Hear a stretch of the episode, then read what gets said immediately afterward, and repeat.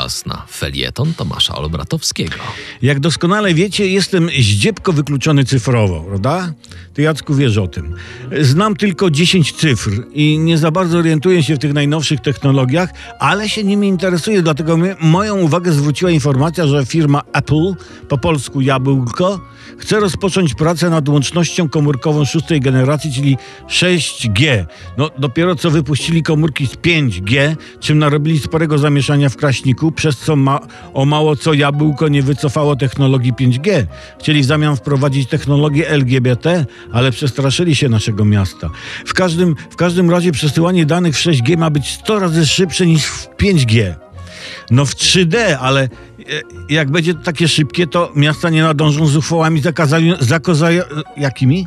Zakazującymi. Bardzo dobrze. I jak e, szybko trzeba będzie filmy oglądać w internecie, włączysz, jak poleci film, to nic nie złapiesz.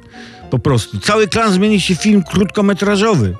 I cała ta technologia 6G może się okazać pożyteczna jednak, mimo wszystko, bo promieniowanie może być tak duże, że nawet nie będziesz musiał odgrzewać jedzenia w mikrofali. Wystarczy, że kotleta wrzucisz na parapet już będzie usmażony. No i kable do czajników bezprzewodowych nie będą potrzebne. Wystawisz za okno czajnik i woda się ugotuje raz, dwa, sama. Jedna jest tylko wątpliwość i twórcy 6G powinni ją rozwiać. A mianowicie, czy te chipy, które nam wszczepiają ze szczepionką covidową, będą z tą technologią 6G kompatybilne? Czy będą kompatybilne? Bo to ważne, żeby wszystko się tak ładnie zgrywało ze sobą.